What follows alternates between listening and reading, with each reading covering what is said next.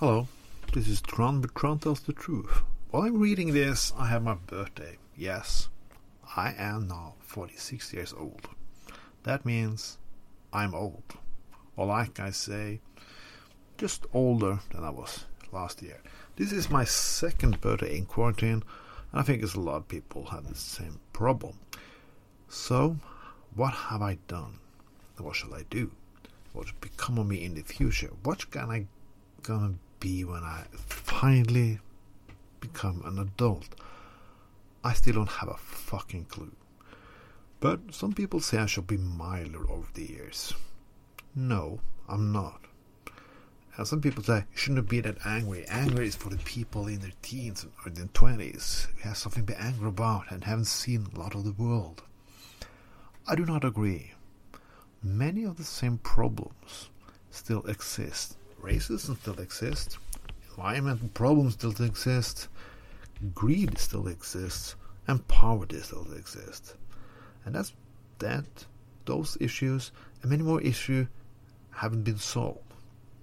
Haven't been solved, I'm still angry. Because this is 2021 and we shouldn't have this shit.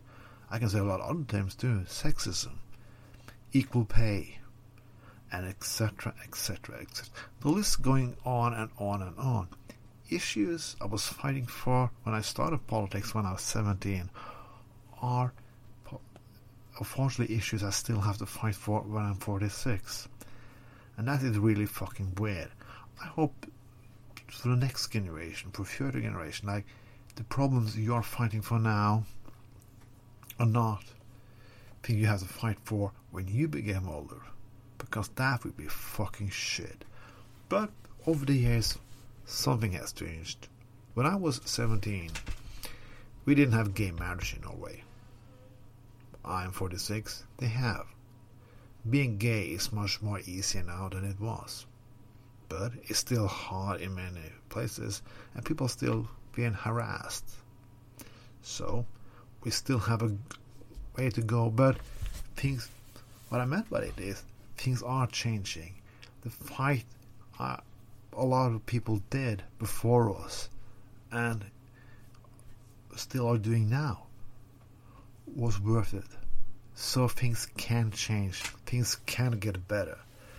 I don't know what I hope for next year. I hope for more progressive thoughts. I see the Green Party now can be the leading party in Germany. Think about that, huh?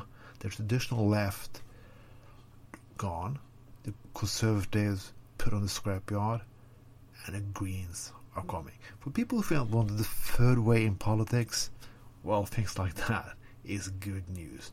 They're happening a lot of other places too.